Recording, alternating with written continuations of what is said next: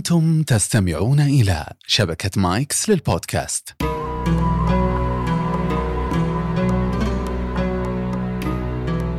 الحمد لله. يقول ابن خاتمة جاء الشتاء بغيمه متحجبا أهلا بسلطان الفصول ومرحبا. عنوان لقاء اليوم كما هو ظاهر من البيت الشتاء. يأتيكم كما جرت العادة من شبكة مايكس. أسأل الله لنا ولكم التوفيق. الشتاء أحد الفصول الأربعة المتفق عليها الصيف والشتاء والخريف والربيع.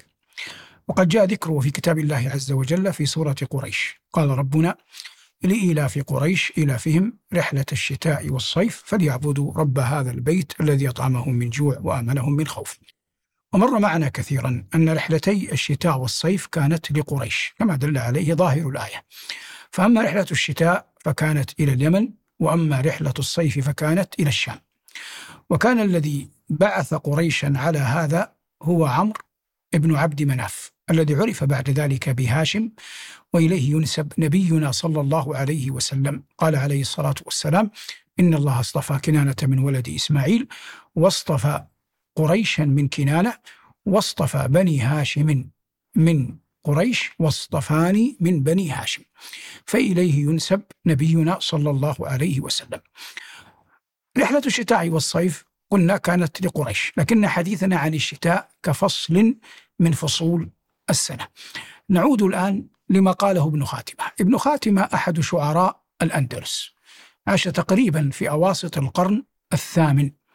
وكان ذا علاقة قوية وطيدة بلسان الدين الخطيب صاحب الموشحات المعروف الوزير.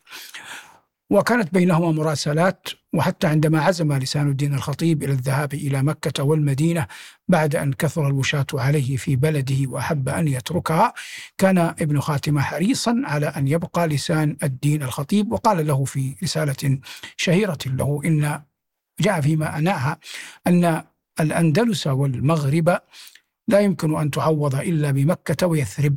وقال يثرب حتى يتفق السجع وإلا لا يقال للمدينة يثرب بعد أن سماها النبي صلى الله عليه وسلم المدينة.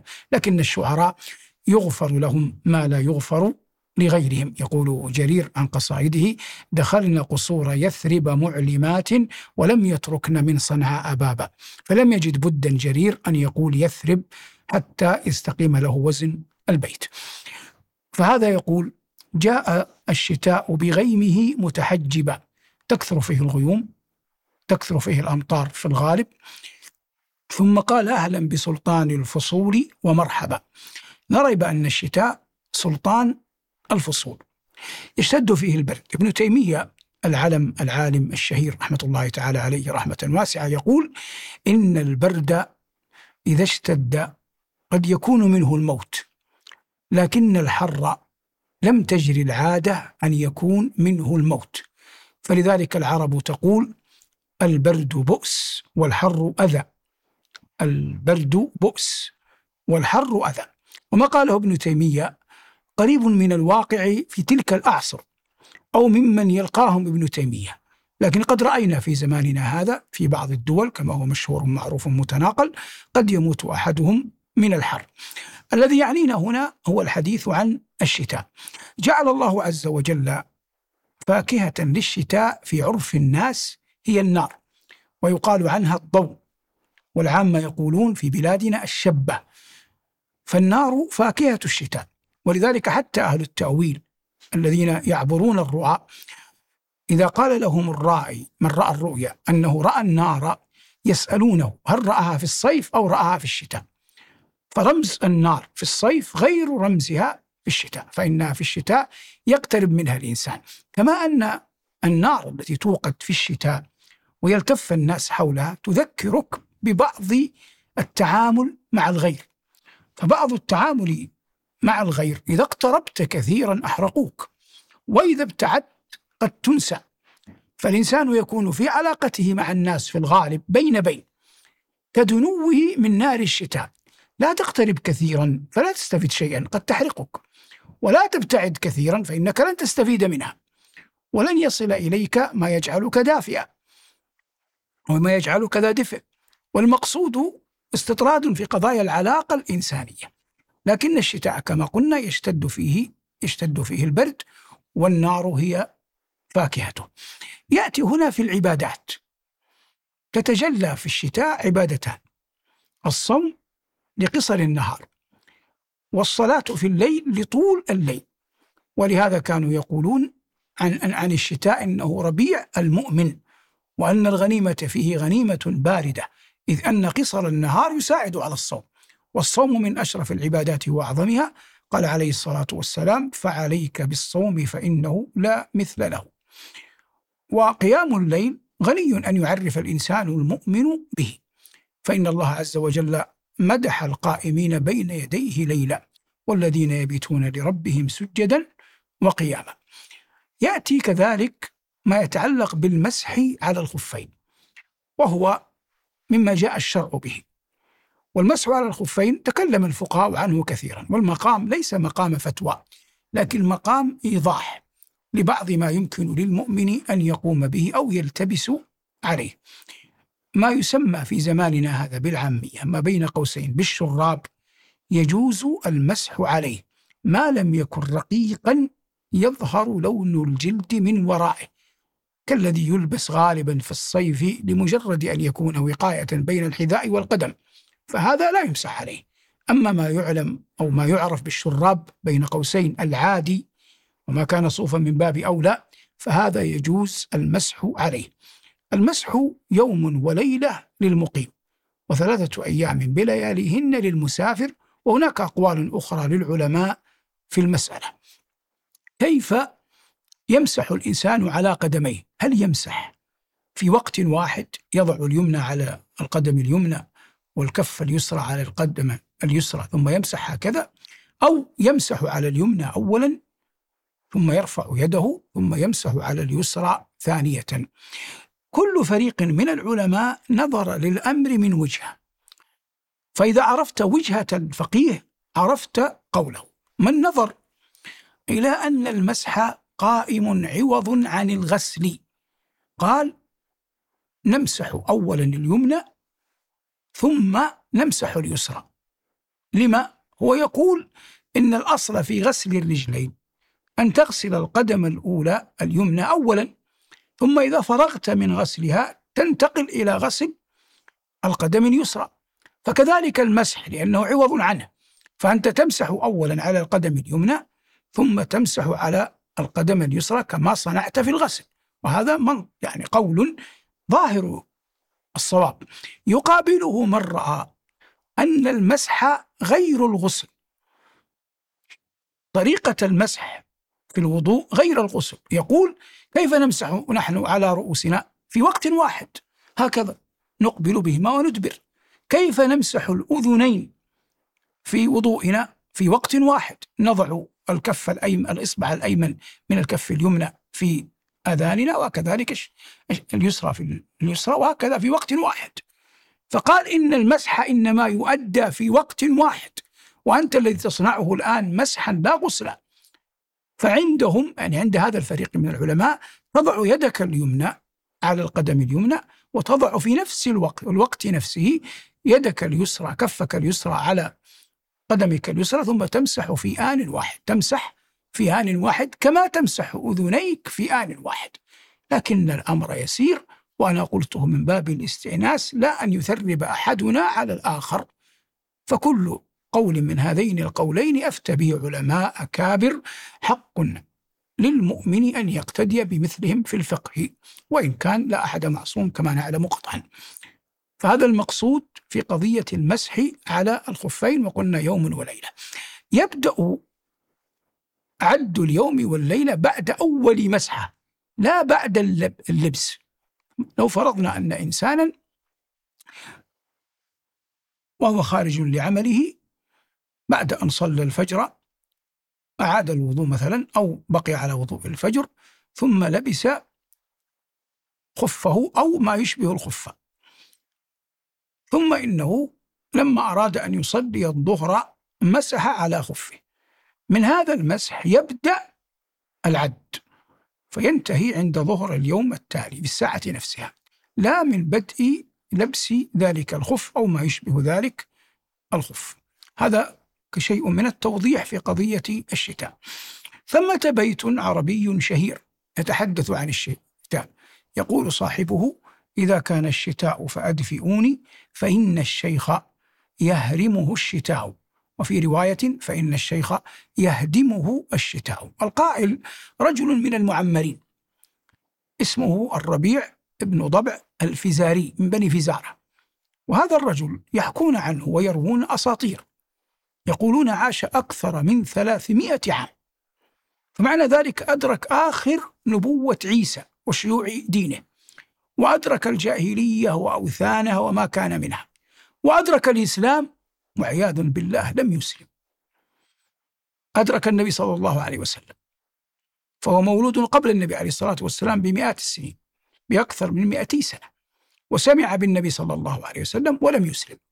وأدرك خلافة أبي بكر وعمر وعثمان وعلي ومعاوية ويزيد بن معاوية ومعاوية بن يزيد وعبد الم... ومروان بن الحكم وعبد الملك بن مروان. ودخل على عبد الملك بن مروان. ودخل ابنه على عبد الملك قبل أن يدخل هو. وكان ابنه قد كبر وشاب رأسه وسقطت وسقط حاجبا على عينيه. فطلب عبد الملك من حجابه من حرسه أن يرفقوا بالشيخ. فقال كيف لو رأيت أبي؟ فقال إلا أن تكون ابن الربيع. إلا أن تكون ابن الربيع. قال نعم. ثم دخل الربيع. ولم يكتب الله عز وجل له أن يسلم. نسأل الله أن يعيذنا من الخذلان والحرمان. هذا الرجل هو القائل. إذا كان الربيع إذا كان الشتاء فأدفئوني. فإن الشيخ يهدمه الشتاء. وهذا يؤكد قول ابن تيمية في الأول أن الشتاء البرد قد يضر أكثر مما يضر الحر. وقد قال هذا. هو قال أبياتا يبين فيها أن أزواج أبنائه وأحفاده قد أحسنوا إليه لكنه خاف على نفسه من الشتاء. إذا كان الشتاء فأدفئوني. وهذا البيت يستشهد به النحويون على أن كان تأتي أحيانا تامة. لا تحتاج إلى اسم وخبر كما جرت العادة في كان الناقصة فيسمونها كانت تامة أي إذا حدث الشتاء إذا حضر الشتاء. فتكتفي بفاعلها وهو هنا الشتاء ولا تحتاج إلى خبر أي أنها لم تدخل على جملة اسمية مثل كان الناقصة. وهذا وجد يعني ذكر حتى في القرآن قال تعالى وإن كان ذو عسرة فنظرة إلى ميسرة. هذا من شواهد كان التامة. البيت خلده استشهاد النحاة به. البيت خلده استشهاد النحاة به فكم من أبيات ليست كبيرة معنى لكن خلدها أن النحاة ذكروها في كتبهم فبقيت إلى يومنا هذا الذي يعنينا نحن هنا قضية الشتاء. وقضية أن هذا الرجل كيف عمر ولم يهتدي إلى الإسلام. هذا يجعلنا نتذكر النعم. النعم عديدة. والله يقول وإن تعدوا نعمة الله لا تحصوها. لكن نعمة الله عز وجل على كل أحد في نفسه تتجلى في ثلاث. ليس بعدهن نعمة. نعمة الإسلام وهي أعظم النعم وأجلها على الإطلاق.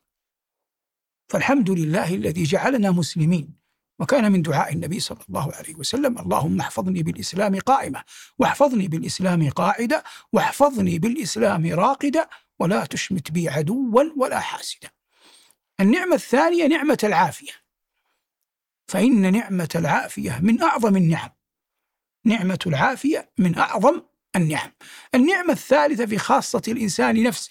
أنا نتكلم عن النعم العامة. النعم العامة أعظمها الأمن. فالنعمة الخاصة نعمة الستر. فإن نعمة الستر من أعظم النعم. الإسلام العافية الستر. هذه أعظم النعم الثلاث على خاصة الإنسان في نفسه. ثم تأتي نعمتان. إذا أعطيهما العبد فقد هيأه الله عز وجل لأمر عظيم وجليل في نفع نفسه ونفع مجتمعه ونفع وطنه ونفع الإسلام والمسلمين. ألا وهما نعمة الفهم وحسن القصد. إذا اجتمعتا صحة الفهم وحسن القصد. قال العلامة ابن القيم رحمه, رحمه الله هما ساقا الإسلام. فكم من إنسان يحسن قصده نيته طيبة يريد ما عند الله بعمله بقوله باجتهاده لكن لم يرزق صحة في الفهم. وكم ممن رزق صحة في الفهم لكنه لا يريد بعلمه ولا بما يقوله ولا بما يقدمه للناس وجه الله عز وجل. ليس عنده حسن قصد فهذا يهلك. فإذا رزق الإنسان في خاصة نفسه حسن أو صحة فهم مع حسن قصد فقد آتاه الله عز وجل فضلا كبيرا لا يجارى ونعمة عظيمة لا تبارى جعلنا الله وإياكم من أهل ذلك النعيم. هنا نذكر ما ذكرناه تعليقا على هذا الرجل الذي خلد هذا الدهر كله ومع ذلك لم يرزق نعمة الإسلام. في حين أننا نرى مثلا مخيريق مخيريق هذا رجل من اليهود. أسلم بين عشية وضحاها وشهد أحدا ومات شهيدا. وكذلك رجل من الأنصار شهد أحدا قبيلها بساعات أسلم واستشهد فيها ومات ولم يسجد لله سجدة واحدة. لكنه مات على الإسلام مات على التوحيد مات صحابيا مات شهيدا في معركة. وإذا تكلمنا عن الشهادة وليعذرني سامعي ومن يراني على الاستطراد الشهادة ضربان. شهادة تطلب وشهادة يفر منها. شهادة تطلب وشهادة يفر منها. أما الشهادة التي تطلب فهي القتل في أرض المعركة أمام عدو كافر. فهذه شهادة تطلب. ولذلك خوض المعارك. من عهد النبي صلى الله عليه وسلم وسيبقى إلى أن تقوم الساعة فالجهاد ماض بشروطه المعروفة التي من أعظمها إذن ولي الأمر. هذه شهادة تطلب لأن الإنسان عندما ينزل ميدان المعركة إنما هو مظنة أن يموت شهيدا. كفى ببارقة السيوف على رأسه فتنة. فأي واحد يخوض معركة فهو في ظن أن يموت شهيدا. فهذه شهادة تطلب جاء عليها الأجر العظيم وليس كل واحد ينالها. كما دل على ذلك القرآن. الشهادة التي يفر منها الغرق الحرق فهذه شهادة ثبت في الحديث الصحيح أن من يموت غريقا أو أن من يموت حريقا أنه شهيد أو من يموت تحت هدم فإنه شهيد. ومع ذلك دل العقل والنقل اتفاقا على أن الإنسان يفر منها. لأنها وإن كانت شهادة في أخريتها في عاقبتها إلا أنها من مصائب الدنيا التي لا يريدها العبد لنفسه ولا لمن ولا لمن يحب. ولهذا ولهذا ثبت عنه صلى الله عليه وسلم أنه استعاذ بالله أن يموت لديغا أو أن يموت حريقا أو أن يموت غريقا أن أو, أو أن يموت في هدم. كما استعاذ في الحديث نفسه من أن يتخبطه الشيطان عند الموت. فعد هذه الأشياء متقاربة فاستعاذ منها صلى الله عليه وسلم. ففهم الأحاديث. فقه أحاديث النبي صلى الله عليه وسلم لا بد أن يكون الإنسان يملك من آلة العلم وصحة الفهم ما يجعله يخوض في الحديث عنها. وقبل ذلك لا بد من حسن القصد ولا يطلب شيء من الله بأعظم من حسن القصد. ثم إن الله عز وجل يؤتي فضله من يشاء. والأمة فيها الخير إلى قيام الساعة. وليس فضل الله مخصوصا بجيل دون جيل. ولا ببقعة دون بقعة. فالله يؤتي فضله من يشاء والله واسع عليم. المقصود في قضية الشهادة. نعود لهذا الرجل الذي جعلناه محور حديثنا الذي يقول إذا كان الشتاء فأدفئوني فإن الشيخ يهدمه الشتاء. جعلناه محور الحديث حتى نستطيع أن نتحدث في أشياء كثر لأن المقصود الإفادة. فهذا الشتاء على وجه العموم كما جاءت في كما جاء في القرآن وكما جاء في سنة نبينا صلى الله عليه وسلم. الصديق الأكبر أبو بكر رضي الله تعالى عنه وأرضاه. سيد كهول أهل الجنة من الأولين والآخرين رضي الله عنه وأرضاه. في خلافته اغتسل وخرج في يوم بارد فحم أي أصابته الحمى. فمكث خمسة عشرة يوما لا يخرج للناس للصلاة. فأمر عمر أن يصلي بالناس ثم مات رضي الله عنه وأرضاه. له زوجة اسمها أسماء بنت عميس كانت من المهاجرات للحبشة وزوجها جعفر بن أبي طالب. مات عنها شهيدا في معركة موتة. فتزوجها أبو بكر وحملت منه بمحمد بن أبي بكر الذي ولد في ميقات ذي الحليفة وأسماء مع النبي صلى الله عليه وسلم في ركبه في ركب الحجيج إلى الحج. أوصى أبو بكر زوجته أسماء أن تغسله. وكان يعلم أنها تتعاهد الصيام كثيرة الصيام. وعلم في اليوم الذي مات فيه ليلا أنها غدا ستكون صائمة. فأوصاها قبل أن يموت. على بعض الروايات أن تفطر.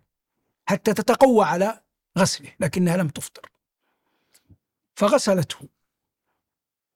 ثم لما غسلته رضي الله عنها وأرضاها خرجت للناس. في جمع من المهاجرين كانوا حاضرين فسألتهم إنني صائمة. وغسلته أي زوجي أبا بكر. فهل علي غسل؟ يعني هل على من يغسل الميت غسل؟ قالوا لا. فكان اجماعا منهم رضي الله عنهم وأرضاهم أي من كان حاضرا من المهاجرين على أن من غسل الميت لا يجب عليه الغسل. قولها رضي الله عنها إني صائمة. ليس المقصود إخبار بالعمل ورياء فيه حاشاها رضي الله عنها وأرضاها. وإنما المقصود أنه تريد أن تخبرهم أن الأمر يشق علي لو كان كذلك.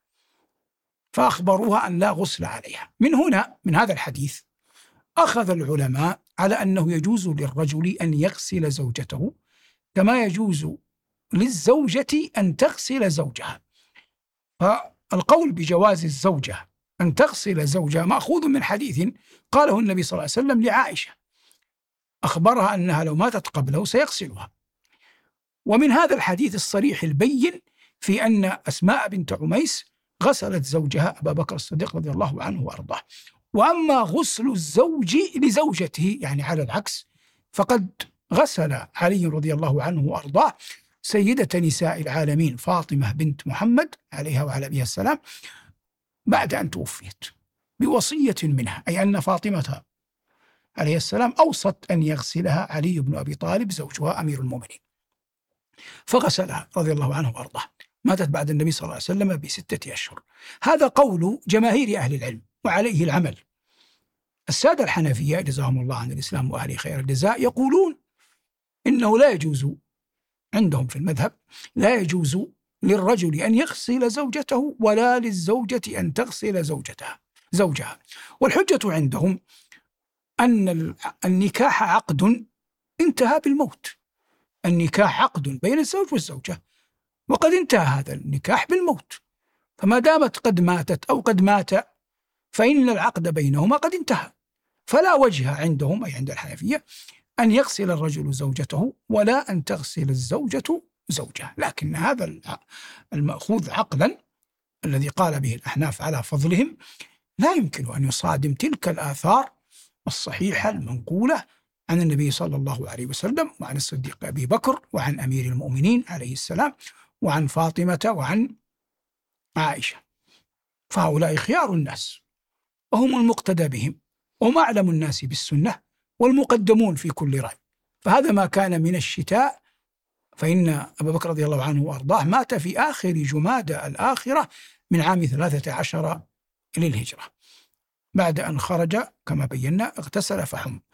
قطعا تأتي قضية رواية أخرى وهو أنه مات مع الحارث بن كلدة من سم شرباه هذا قال به بعض العلماء ولا يبعد لكن الله عز وجل قد يجعل السبب هنا أو يجعل السبب هناك لا علم لنا بعينة الأمر لكن نحن هذه أخبار ذكرها الرواة فننقلها والعهدة على من رواها.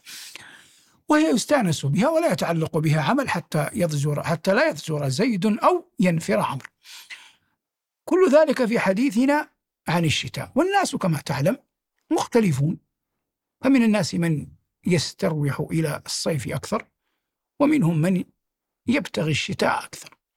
يطيب في الشتاء الكثير مما يؤكل مما يشرب وقد لا يطيب هذا في في الصيف. والعرب تقول الصيف ضيعت اللبن وضربت في الصيف أمثالا كما ضربت كما ضربت في الشتاء. لكن البيوت في سالف الدهر لم تكن ذات قدرة على أن تكن الناس كما تكنهم بيوت الناس اليوم. فبيوت الناس اليوم أشد قدرة في بنائها في أحكامها على أن تكنهم من من الشتاء. ايا كان الأمر ينبغي أن نعلم أن الله عز وجل لا يجعل امرا ما ثابتا على حاله. لتركبن طبقا عن طبق. خلقكم أطوارا وتلك الأيام نداولها بين الناس، هذه هي الدنيا. صيف شتاء يوم نساء يوم نسر يوم دون ذلك قد ترى أحيانا كما هو مشاهد الفصول الأربعة في يوم واحد. كل ذلك بتقدير الله. يقلب الله الليل والنهار. كما قال ربنا في سورة النور. لكن المؤمن في كل أحواله وإن تغيرت الأشياء حوله الذي ينبغي عليه أن لا يتغير توحيده لربه وإيمانه بالله ويقينه بلقاء الله والعمل من أجل البعث والنشور ولقاء الله. هذا ما تيسر حول مفردة الشتاء والله الموفق لكل خير.